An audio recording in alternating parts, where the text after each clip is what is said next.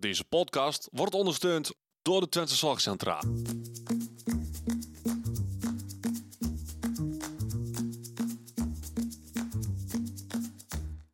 Welkom bij de Out of the Podcast.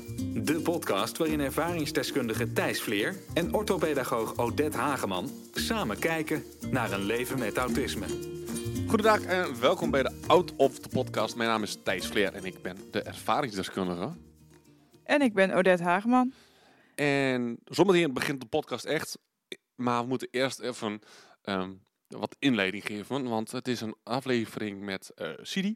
Sidi is een meisje, of vrouw eigenlijk, ze is 25. Ja, Eh, jonge vrouw. Een jonge vrouw met, eh, met ehm, Sinds kort autisme. nou ja, dat- had ze altijd al. Maar Ja, maar sinds kort officieel de diagnose. ja, sinds kort eh, heeft ze dat stempeltje in haar boekje mogen drukken.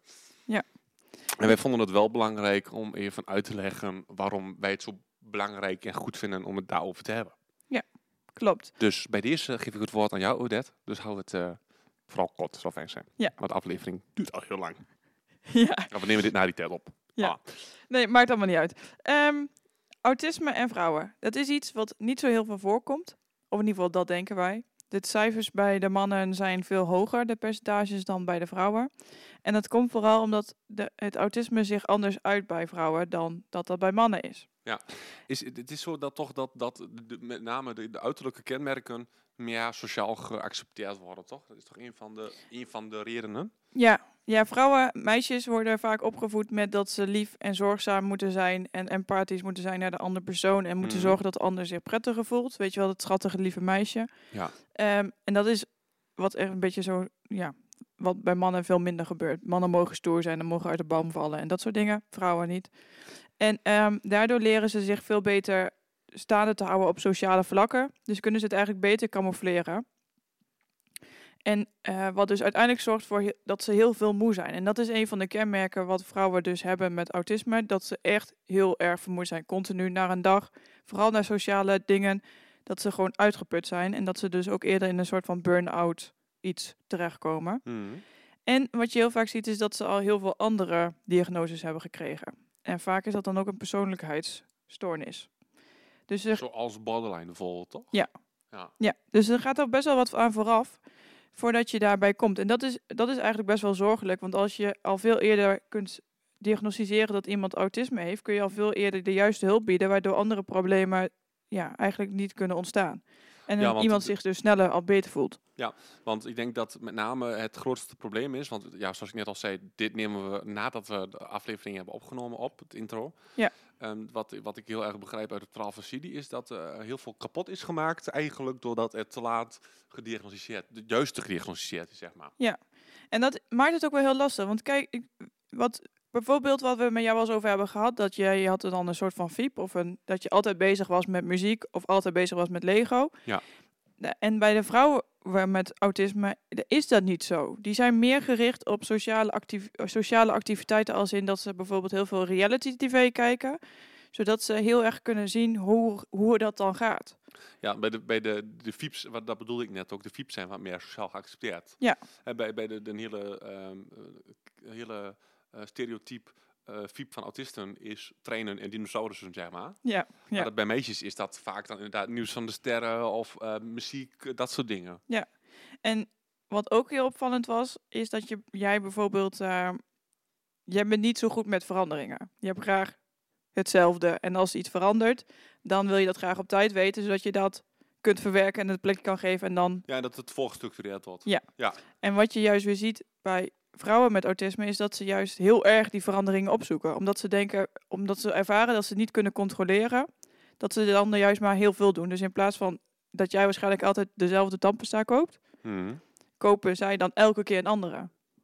Zodat ze daarin de voorspelbaarheid hebben.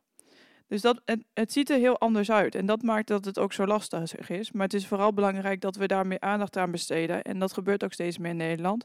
En dat we dus ook alert zijn van... hey, welke symptomen of welke, waar heb je dan last van? En heb je nog steeds last van graals in je hoofd? Praat je heel veel? Ben je nog steeds angstig en onzeker en heel erg vermoeid? Denk dan eens na, misschien heb je wel autisme. En wat, je ook wat volgens mij ook zo is, maar dat is, is de keer wat ik ergens gehoord heb, dat is dus gewoon gebaseerd op niks eigenlijk. Maar dat vrouwen met autisme ook eerder ehm, last hebben van ehm, depressies. Ja. Doordat ze dus eigenlijk gewoon niet eh, weten waar hun Waar, waar het vandaan komt. rariteit hun eigenlijk vandaan komt. Worden vaak als wel een beetje ehm, raar bestempeld. Anders. En, Maar het is ook wel logisch, hè? als je altijd moe bent naar een sociale Mhm. activiteit en je al moet voorbereiden dat je denkt, oh ja, ik ga dadelijk met vriendinnen afspreken. Oké, dan moeten dit en dit en dit allemaal doen.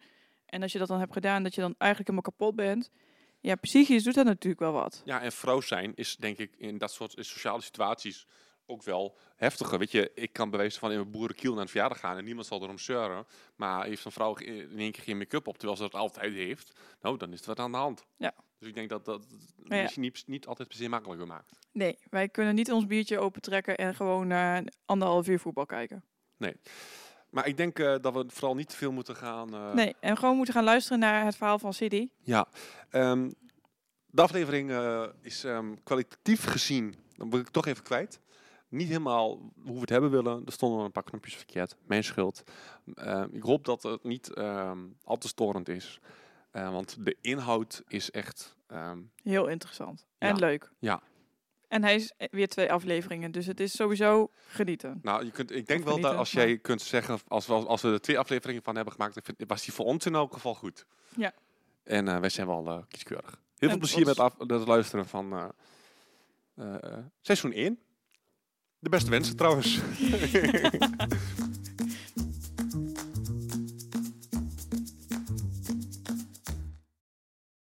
Goedendag allemaal en welkom bij seizoen 2. Ik wist niet dat ik het ooit ging zeggen, want het was eigenlijk niet de planning. Maar dankjewel, COVID-19. Ehm, ik ben uh, Thees Vleer, ik ben de ervaringsdeskundige, want ik heb autisme en ADHD en een lichtverstandelijke beperking. En tegenover mij zit niemand minder dan. Odette Hageman, de gedragswetenschapper. Ja, En vandaag, Thijs, is een bijzondere dag. ik ben zenuwachtig. Ja. Ja. Het is, ehm, nou ja, waarom ben je zenuwachtig? Nou, we hebben een, een tweede gast. En de vorige keer was ik wat minder zenuwachtig, want dat was gewoon mijn zusje. Precies. En we hebben nou eh, bij ons, of ze is helemaal vanuit Brabant deze kant op komen eh, rijden. Eh Sidi, goedendag. Hoi. Ja, net niet helemaal Brabant eigenlijk. Nee, maar... net niet. Maar het scheelt niet heel veel volgens mij, toch? Nee, 10 kilometer. Oh. Dat is wel leuk, want we hebben vandaag gewoon een soort van ook dialecten. Mixje. Ja, Ja, we zijn wel mul- multicultureel binnen Nederland, om even zo te zeggen. Ja, precies. Ja. Maar Sidi, wie Ja. ben jij? Eh, nou, ik ben Sidi, ik ben 25 jaar, ik heb ook autisme. Ehm, ik woon nu nog ehm, bij mijn moeder met mijn hond. En eh, ja, voor de rest, ehm, ik schrijf heel graag, ik lees heel graag. Ja, ik denk dat dat het wel is. Ja. En wel even goed is voor de luisteraars, is ook dat jij het ook wel spannend vindt om Ja. nu hier bij ons op de bank te zitten. Zeker, En, Ja. eh, zeker. Ja, dat, Absoluut. dat snap ik ook helemaal, want het is natuurlijk ook de eerste keren dat wij een podcast opnamen. Nou, dat ging ook niet helemaal eh, altijd vlekkeloos. Ik, eh, we hebben dan toen een, een demo-opname gemaakt en die luister ik niet meer terug. Ik krijg gewoon kriebels van. Er was en iets niet de met goeie. koeien en zo. Ja, en vegetarisch en niet en zo. En, ja. nou goed. Ja, Ehm, maar ja. voor... Ja? Waar- nou, onze tweede gast dus, vind ik leuk. Ja. Ehm, we hebben, het is vandaag 24 oktober. En we hebben van de week, wat ik toch even benoemd, benoemd hebben, de 10.000 luisteraars aangetikt. Ja, Ja. niet dat de 10.000 luisteraars hebben, maar 10 dus 10.000 keer naar ons geluisterd. Precies, weet je hoe super tof? Besef dat even. Ja, dit is dus eigenlijk in COVID-termen waren er dus vrijdag net zoveel besmettingen, besmette mensen als naar onze podcast hebben geluisterd. Serieus? Ja. Kijk, en dit zijn al die besmetten. Kijk, is corona toch nog ergens goed voor. Ja. Dus ja, dat. We gaan vandaag eh, net zoals werken als eh, dat je van ons gewend bent, want we zijn natuurlijk wel lekker autieproof. Precies. We gaan eh, aan de hand van stellingen vragen stellen aan, aan Sidi. En Odette gaat die stellen en ik ga iets doen waar ik niet zo heel goed in ben. En dat is luisteren en invallen als... Als het wel. nodig is. kun je wel. Maar ik heb natuurlijk al wat voorinformatie van Sidi. Ehm, want wat ik weet is dat jij je diagnose, mag ik die ja, gewoon diagnose is goed Ja. toch? Eh, vrij laat hebt gehad. Kun je daar in, in eerste instantie even iets over vertellen? Ja, ik heb eigenlijk pas, eh, ik ben dus nu 25 jaar en ik heb pas sinds afgelopen mei mijn diagnose. Dus dat is wel echt rijkelijk laat. En achteraf gezien zijn er heel veel dingen geweest waaraan we het hadden kunnen weten of merken. Maar ja, dat is gewoon nooit zo. eh, Nou, mijn moeder heeft het, is er wel ooit eens een keer mee gekomen bij de, want ik loop al heel lang bij de GGZ. En, eh, maar die, ja, die hebben dat eigenlijk toen een beetje afgewimpeld. Want nee, daar is het te sociaal voor en zo. En ik kan ook heel sociaal overkomen. Ehm, en zelf zag ik het ook echt compleet niet. Maar ja, achteraf zijn er toch wel echt wel hints geweest, ook vroeger al. Is dat niet een beetje het ding bij, bij waarom het bij meisjes zo laat, ik vraag je van Odette, eh Ja. hoe dat gediagnosticeerd wordt? Ja, dat is het, het, het rare. En daar ehm, eh, gaan wij je ook nog... Of daar, maar-. Ehm, bij vrouwen en autisme, dat is uit zich anders dan dat het bij mannen doet. En het aantal, eh, of de verhouding tussen man en vrouw met autisme is ook dat mannen vaker autisme hebben dan vrouwen, omdat we het gewoon niet goed zien. En er is ook nog heel weinig onderzoek naar. Maar wat vooral eh, nu al terug te vinden is in de wetenschap, is dat vrouwen zich socialer kunnen opstellen en dus meer kunnen verbloemen dat ze bij, tegen bepaalde dingen aanlopen. Ja, oké. Wa- waardoor ze dus eerder ook met andere diagnoses eh, krijgen voordat ze ja, na lang onderzoek autisme krijgen. Maar dit heb je als het goed is allemaal al in het intro gehoord, wat we hierna op gaan nemen. Dus ik vond het ook nog een beetje lastig soms. Precies. hey, maar Sidi, die eerste stelling, daar gaat het ook een beetje over. De diagnose autisme kwam voor mij echt als een verrassing. Nee, eigenlijk niet. Ehm, maar als je me dat een aantal jaar geleden gezegd zou hebben, zou ik gezegd hebben van wel. Ehm, Ja. Inmiddels was ik, ehm, had ik me best wel ingelezen en wist ik best wel wat over hoe autisme zich bij vrouwen uit en dat het. ik had vroeger heel erg het, het, het, het- echt het plaatje van, van Rainman en Kees en zo in mijn hoofd. En ik dacht, ja, zo ben ik toch niet. Ehm, en inmiddels was ik erachter dat dat, dat, dat niet altijd klopt.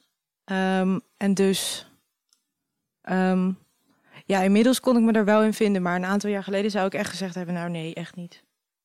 Ja. Maar inmiddels is het niet, eh, kwam het echt niet meer als een verrassing voor mij.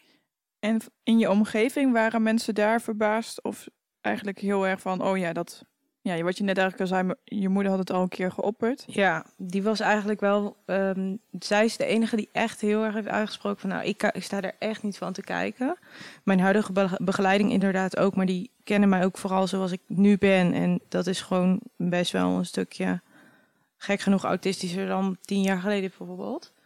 Ehm, maar mijn directe omgeving zelf eigenlijk, het kwam voor niemand als een verrassing.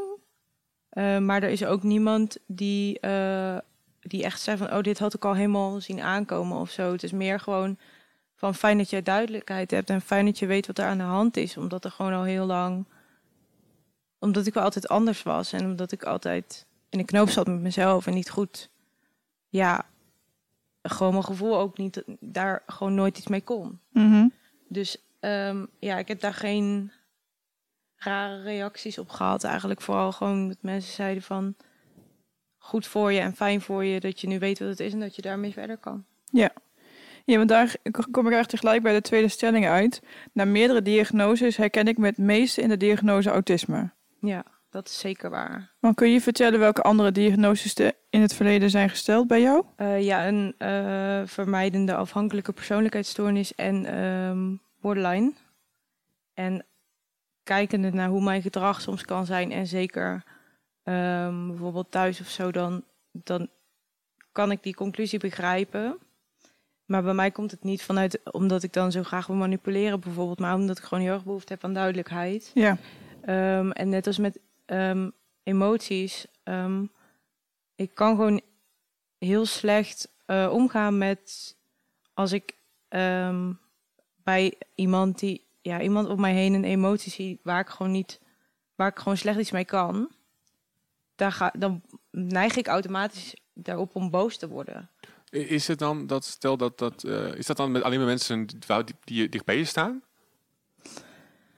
Ja, ik merk wel hoe dichterbij dat iemand bij me staat, hoe, hoe eh, moeilijker ik dat vind. En Ja. het is, ja, ik kan op zich wel empathie tonen.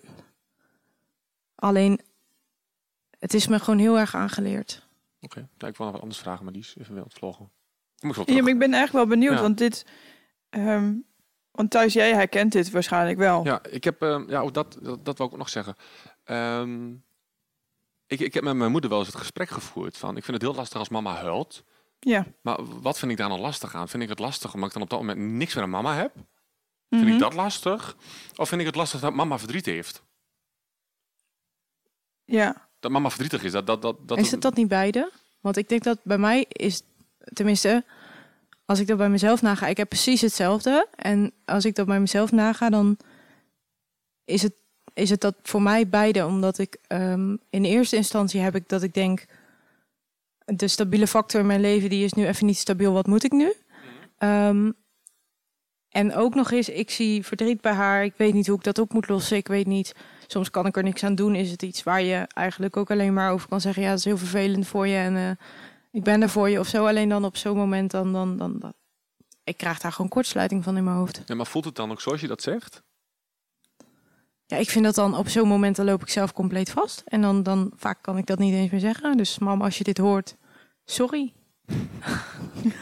Maar ik denk dat, een, dat dat een beetje... De, de meeste moeders dat toch wel gewoon... Tenminste, die van mij, die, die heeft dan zoiets van... Ja, dit is vervelend en je accepteert dat wel. Nee, ja, dan weet je, daarvoor ben je moeder en dat, dat loopt anders. En dat weten ze ook. Ik bedoel, ze, kennen jou, ze kent jou al 25 jaar. Ja, dat is ook. Maar je zegt dan eigenlijk, als je dan even bij dat voorbeeld van je moeder, dat als die dan bijvoorbeeld aan het huilen is, dat jij dan zegt, dan loop ik vast. Maar wat is dan voor jou vastlopen? Hoe ziet dat er dan uit? Nou, vaak heb ik het zelf gewoon niet eens door. Word ik gewoon gelijk een soort boos, knorrig, grumpy-achtig. En dan later ga ik me bedenken, ja, waarom ben ik eigenlijk, waarom ben ik dan nu zo? Of geweest? En maar daar ben ik, daar, daar ben ik ook echt pas, pas, pas kort over na aan het denken van, goh, Ja. eigenlijk kan ik er helemaal niet mee omgaan. Nooit, heb ik nooit zo ingezien van mezelf. Kleine pauze. En de opname loopt weer. Wacht, even opschrijven. Ga maar door. Ja, ik, ik zit even te denken waar we het eh, over, over hadden. Ja, over die... Over, over ja, dat je grumpy was. Ja. Ehm, nou ja, laten we de tweede... Het voelt nu een beetje abrupt. Ja, sorry. Ja, maakt niet uit. Ehm, Ja, dat ik grumpy ben, dat ik dan grumpy word en eigenlijk later pas door heb van waar, waar gaat het mis? En dat ik dat ook pas heel kort, pas sinds heel kort Ja. van mezelf inzie. oh ja, ja, ja. Je kunt de volgende stelling er nou ingooien, want in principe was het antwoord klaar. Precies, dan ga ik even verder. Nou ja, ik weet dat je bijna alle afleveringen hebt geluisterd van onze podcast. Ja. Ehm, de volgende stelling. Ik herken me veel minder in hoe Thijs autisme ervaart. Het uitzicht bij mij op een hele andere manier. Ik denk dat het wel meevalt. Ik, in heel veel dingen herken ik me juist wel. Ehm, maar ik heb wel het idee dat het, zich, dat het misschien eh, eh, in mijn gedrag bijvoorbeeld zich anders uit. Dus dat het er anders uit kan zien. Ja. Maar dat ik niet, ehm, dat het in principe vanuit hetzelfde komt. En dan ben ik wel benieuwd, wat is dan hetzelfde? Kun je daar een aantal dingen van aangeven die je hebt gehoord waarvan je zegt, nou, dat was zo herkenbaar. Nou, eh, be- bev- bijvoorbeeld al het met het huilen van je, van je moeder, dat, dat is dan al een ding waarin we, ja, dat is bijvoorbeeld zoiets, daar herken ik me al heel erg in. Een, een, eh, ja, gewoon het, het gebrek aan duidelijkheid en wat een onrust dat dan met je mee kan brengen. Mhm. Ehm, dat zijn wel echt van die dingen waar, waarin ik compleet ook dan helemaal vast kan lopen. Of gewoon, of heel boos kan worden, of juist helemaal in mezelf kan keren. Ja. Ehm, en zo zijn er gewoon heel veel dingen waarin ik denk. En eerlijk is eerlijk, ik ben met de podcast begonnen nog voordat ik officieel mijn diagnose kreeg. En toen dacht ik ook, oh, nu vallen echt veel dingen op zijn plek. Is dat, wa- waarom ben je toen al begonnen met, met eh, was er toen al sprake van? Of, Ja, want ik ehm, bij eh, ik sta, stond sinds dan hebben we het nu over vorig jaar september stond ik al op de wachtlijst gewoon voor de ehm, voor het diagnostisch traject. Dus wij hadden al een vermoeden dat er sprake was van autisme en ik ben me gewoon gaan inlezen en googelen en Ja. eigenlijk een soort voorbereid zijn. Maar heel even kort, hè, want we hebben met Thijs eh, en ik hebben heel vaak gehad over zijn lader met bestek, wat helemaal netjes zo naast elkaar ligt. Ja. ja, check daar voor ons even onze Instagram, dan kun je hem even, even, even Dat, voor je daar, zien. daar staat de foto ook. Of eh, Schiphol, waar Thijs dan met eh, zijn zonnebril en zijn oordoppen dan naar de gate gaat, laat maar Als een zeggen. andere diva, s ochtends om vier uur. Ja. Ja. Maar zijn dat dan ook dingen die we dan bij jou thuis aantreffen? Is jouw kamer ook al gewoon allemaal recht en geordend? Nee, die bestekla en zo, dat valt allemaal reuze mee. En ehm, ik vind het heel moeilijk om, ehm, om ja, orde te houden, omdat ik juist heel vaak chaos in mijn hoofd heb en het dan niet, dan kan ik het gewoon niet allemaal plaatsen. Ja. Ik, ik heb wel, ehm, bij mij moet de autoradio op een even getal staan, dat soort dingetjes. Het geluid van de autoradio, dat soort dingetjes heb ik allemaal wel. Ja. En waar ik bijvoorbeeld wel heel erg, ik heb heel veel, heel snel last van licht en geluid en ehm, dat soort dingen. Ik heb altijd mijn oordoppen bij me. Ja, want daar hadden we het laatst ook een keer over. Toen in een van de voorgesprekken die we hebben gehad. ehm, dat ik met name ook heel erg last heb van, van, van, van, van geur. Ook qua overprikkels, zeg maar. Dat mijn moeder soms lief één geurtje, die hoeft, die hoeft niet op te doen. Dan kan ik niet bij haar in de auto zitten. Dan word ik heel gek. Ja. Maar dat heb jij dan weer. Ja. Nee, dat is eigenlijk geur is eigenlijk de enige prikkel waar ik redelijk ja als iets echt heel als een geur die ik echt zelf helemaal niet prettig vind dan niet, dan kan ik er ook echt echt van walgen. Maar ik heb juist heel erg veel last van eh, licht, geluid, ehm, bepaald soort ja texturen en dan zeg maar zowel in je mond als gewoon aan je vingers zeg maar.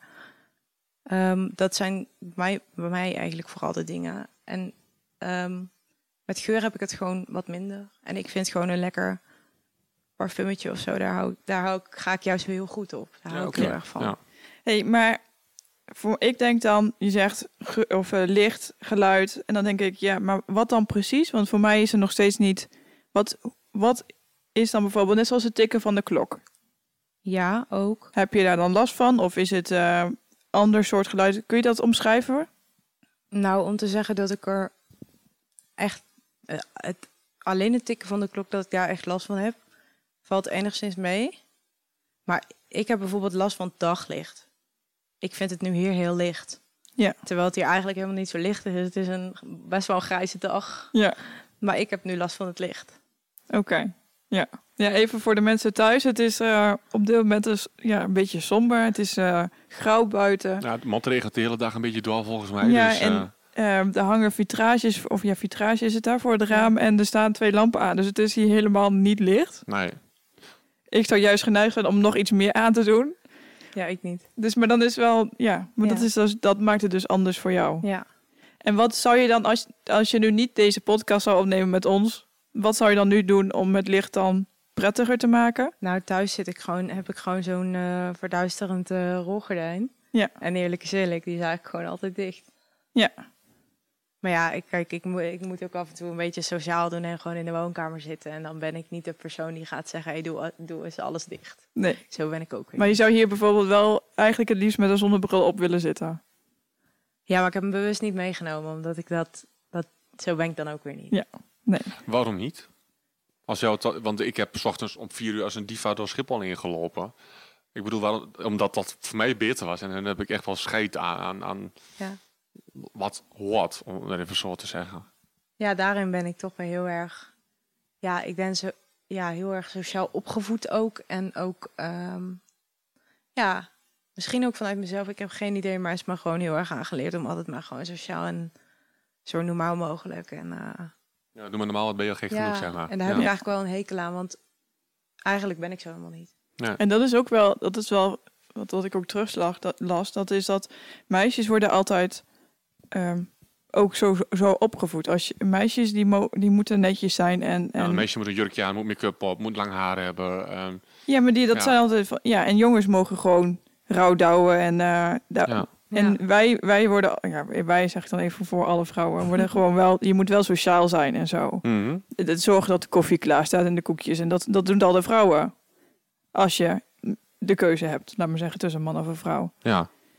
En Ja. dat is natuurlijk ook, dat is ook een van de dingen waardoor het dus bij vrouwen met veel meer moeite wordt ontdekt, omdat ze zo getraind zijn in dat sociale aspect. Ja. Ehm, hoe, als ik jou een dag zou volgen, waaraan merk ik dan dat jij autisme hebt? Mm, op een goede dag waarop ik ehm, dingen rustig aan kan pakken. Het ligt er ook aan hoe, hoe dichtbij je staat. Op het moment dat je echt heel dichtbij me staat, denk ik dat je het snel merkt.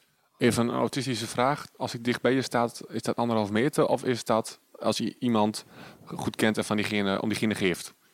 Ja, dat laatste. Ja, oké. Ja.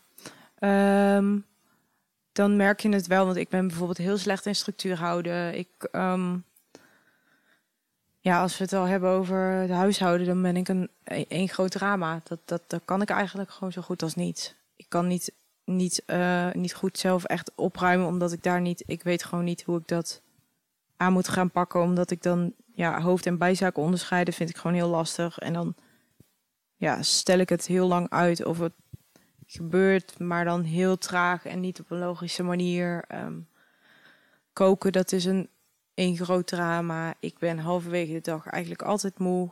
Ehm, ja, als je met me ergens heen gaat, dan is het al snel te luidruchtig, te licht, eh, te veel mensen. Ja, Ja. dat soort dingen. Maar ga je dan ook niet uit? Nee, echt uitgaan niet, nee. Want wat, daar word je gewoon niet blij van. Nee, ik ben wel echt een beetje bang voor de kroeg, ja. Ja. En het is eh, concerten vind ik bijvoorbeeld nog wel leuk, maar dan wel.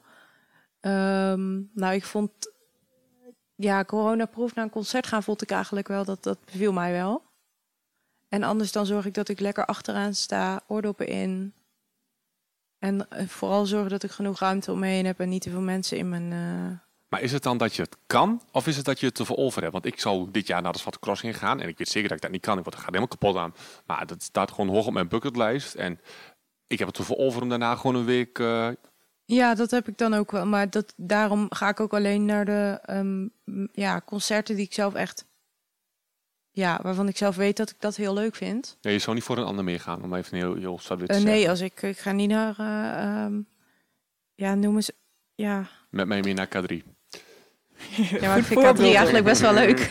Nee, maar even, want dit is wel grappig, hè? Want wij- wij, zeggen altijd in de podcast ook, weet je, we hebben het nu altijd over Thijs. En, en dat is niet wat autisme voor iedereen is. Want Thijs is onze, nou, bijna wel een soort van feestbeest. Die gaat wel naar de kroeg.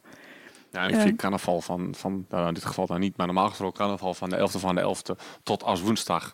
Nou, in een beetje goed seizoen is dat eh, drie maand carnaval. Ja, Ja, en ik- ik... weet dat ze daar in Brabant ook heel goed carnaval kunnen vieren. Ja, daar word ik bang van. Maar wat, waar word je dan bang van? Kun je dat uitleggen? Ja, van ik ben sowieso heel erg van heel veel grote groepen mensen, heel ja, en dan dicht bij elkaar en daar. Wat dat betreft bevalt die anderhalve meter mij wel. Maar is het dan dat mensen zeggen? je kunnen aanraken, dat je daar dan geen controle Daar over heeft hebt? het mee te maken. Het, er komt heel veel geluid bij kijken. Ja. En ik vind drukte sowieso gewoon heel overweldigend. Ja. Ehm, en ik ben niet zo heel goed in groepen. Meestal ga je niet zeg maar met één iemand carnaval vieren of zo. Tenminste. Nee, dat is altijd vrij andere... saai. Ja, precies. En Ja. eh, Lastig Polonaise lopen. ik, ik moet wel toevoegen dat ik wel eens ooit een keer een avondje carnaval heb gevierd. Maar om nou te zeggen dat het mijn ding is, dat toch niet helemaal. Nee, en je had al net over die concerten en dat hij zei, ja, heb je het er dan soms wel eens voor over? Dat dat je ook zei, ja. Wat, eh, wat is dan eigenlijk de prijs die je ervoor moet betalen? Is dat dan dat je er twee dagen, drie dagen, vier dagen van moet bijkomen? Ja.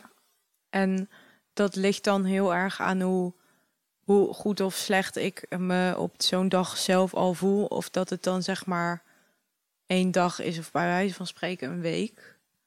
Eh, en ik moet, ik, wat ik ook vaak doe, is wel gewoon, gewoon ook preventief rust nemen. Dus Ja. de dag van tevoren ook al niks plannen. Overdag niks plannen. Eh, echt zorgen dat ik daar niet... Dat het allemaal niet te gek wordt van tevoren uit eten, ja, hm, het kan. Maar dat moet niet een heel druk restaurant zijn in de, ja, in de drukste straat van eh, Tilburg Whatever, of ja. zo. Heb jij dan ook ehm, dat je, ehm, dat heb ik altijd, dat op een gegeven moment zit ik over een bepaald kantelpunt heen. Dan ben ik gewoon zo overprikkeld, dan heb ik ook gewoon zoiets van, ja, nou weet je, nou kan het toch niet slechter. Ehm, laat maar komen en dan ga ik wel mee en dan ga ik wel meer uit eten en dan, ik bedoel, dan zit ik toch al in mijn, in mijn, in Ja. mijn bubbel en krijg ik toch al niks meer mee, zeg maar. Je noemt het altijd de point of no return. Ja, Ja, ik denk wel dat ik dat, dat, ik dat herken. Maar ik eh, stel me er bij dat soort dingen vaak van tevoren een beetje op in. Dat ik weet van ja, vanavond ga ja, zou, ik- zou ik bijna zeggen, vanavond gaan we naar de kloten. Terwijl dat dan eigenlijk voor een normaal mens misschien, misschien nog heel erg meevalt. Maar voor mij voelt dat dan wel echt als naar de kloten gaan. maar misschien ook, ook omdat het dan letterlijk zo is, omdat je er gewoon Ja, echt kan er dagen van bij volgende, moet komen. ja, ik kan er de volgende dag echt ziek van zijn, ja. Ja. Ja, wij waren laatst, eh, wa- waren laatst vrienden van ons, eh, waren we een dagje mee weg geweest. En ze waren bij ons blijven eten. En eh, het was allemaal heel leuk en heel gezellig. En eh, hij is heel, heel druk. En daar kan ik dan lekker op aanhaken. En dan, ja, de volgende dag was ik echt, echt... Dat was gewoon niet meer te doen, hoe ik me de volgende dag voelde. Dat is Ja. toen gekomen. Maar goed, dat, dat vind ik het dan ook wel waard. Ja, Mag precies. En wat ik me dan afvraag, want je hebt de diagnose nog niet zo lang. En wat Thijs bijvoorbeeld heel erg veel doet, is lijstjes maken met dit moet ik doen. En daar krijgt hij dan, dan krijgt hij ook ondersteuning bij. Van je gaat nu dit doen en dat doen en dat doen. Want Thijs is niet zo goed in zijn tijd, eh, reg- dat hij weet, kan inschatten hoe lang iets duurt. Nee, bij mij duurt afwas een drie kwartier. Precies. Ehm, en eh Thijs had vroeger ook picto's op zijn bord hangen. En dat soort dingen. Is het nou ook zo dat je nu je die diagnose hebt... dat ze dit soort dingen bij jou aan het introduceren zijn? Nou, het punt is dat ik op dit moment nog eh, eigenlijk nog op de wachtlijst sta voor mijn behandeling. Dus op dit moment is dat allemaal nog niet echt zo van toepassing. Ik schrijf wel heel veel op. Ik probeer Ja. alles wat ik... Ook vanuit het feit dat, dat als ik het allemaal in mijn hoofd hou, dan knal ik echt uit elkaar. En dan heb ik zo geen rust meer, dan slaap ik niet meer. Dan, dan loop ik de hele dag alleen nog maar te zenuwen. Dus alles wat ik, waar, waarvan ik denk, oh, dit moet ik doen of dit wil ik opzoeken of dit wil ik regelen. Ah, ik wil die nog een appje sturen, wat dan ook. Dat komt gewoon allemaal. Toevallig ligt het boekje naast me. Dat schrijf ik gewoon allemaal in een boekje op en daar moet ik gewoon een keer naar kijken. En dan, Ja. ja, Dat geeft een soort van hou vast. ja, ja. Maar ik moet daar nog wel, dat moet nog wel echt uitgebouwd worden. Dat, eh, Ja. ja. Hey, dan gaan we weer even de stellingen oppakken. Die sluiten daar een beetje op aan. Ik heb nu het gevoel dat ik met mijn therapie de juiste stappen kan gaan zetten. En je, mag, je staat dus nu op de wachtlijst, maar welke therapie ga je krijgen en verwacht je dat je daarmee verder gaat komen?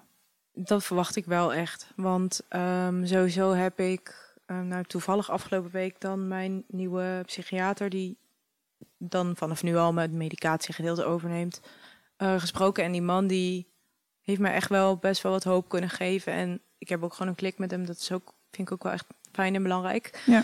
Ehm, en verder sta ik ook op de wachtlijst nu voor een woning waar gewoon eh, ja, waar je ook behandeling krijgt. En dus waar ze ook echt met je gaan kijken van hoe gaan we je dag indelen en hoe gaan we, ja, hoe gaan we kijken zodat je ook zelf dat, dat koken en dat opruimen en dat soort dingen zelf kan gaan oppakken. Ja, precies. En, ehm, En is het daar de bedoeling van dat je dan uiteindelijk ja, daar weggaat en op jezelf gaat wonen? Of mag je daar ook gewoon de rest van je leven, mag je ook oud worden, zeg maar?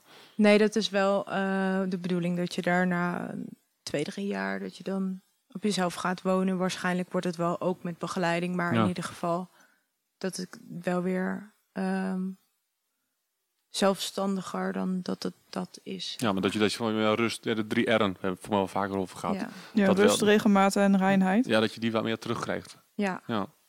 Ja. Precies, want het is natuurlijk... Er zijn heel veel trucjes en zo... Wie, wat het jouw leven gewoon makkelijker zou kunnen maken. ja. En ehm, of het nou met picto's is of uitgeschreven dagprogramma's of wat dan ook. ja, of soms gewoon even benoemen. Ja, of de, de, de van de Geef me de vijf, wat je natuurlijk misschien ook wel kent. Volgens mij ken ik dat niet. Kijk, je, Nee? oh, Nee. Maar dan gaat de wereld voor je over. daar gaat echt, ja, inderdaad. Dat is misschien wel iets om hierna even te bespreken. Want Geef me vijf, die methode door eh Colette ja, Ja, die, eh, die heb jij echt ontmoet. ja. En Jij was die- jaloers, hè? Ja, we willen, willen heel graag haar een keer ook interviewen. Ja. Ehm, maar Ik zie dat wij op een half uur zitten. Ehm, zullen we deze aflevering dan even afronden? Dan zeg ik eh, even iedereen bedankt. Dan gaan we gelijk door naar aflevering 2. Ja. Dus er komt hier een knipje.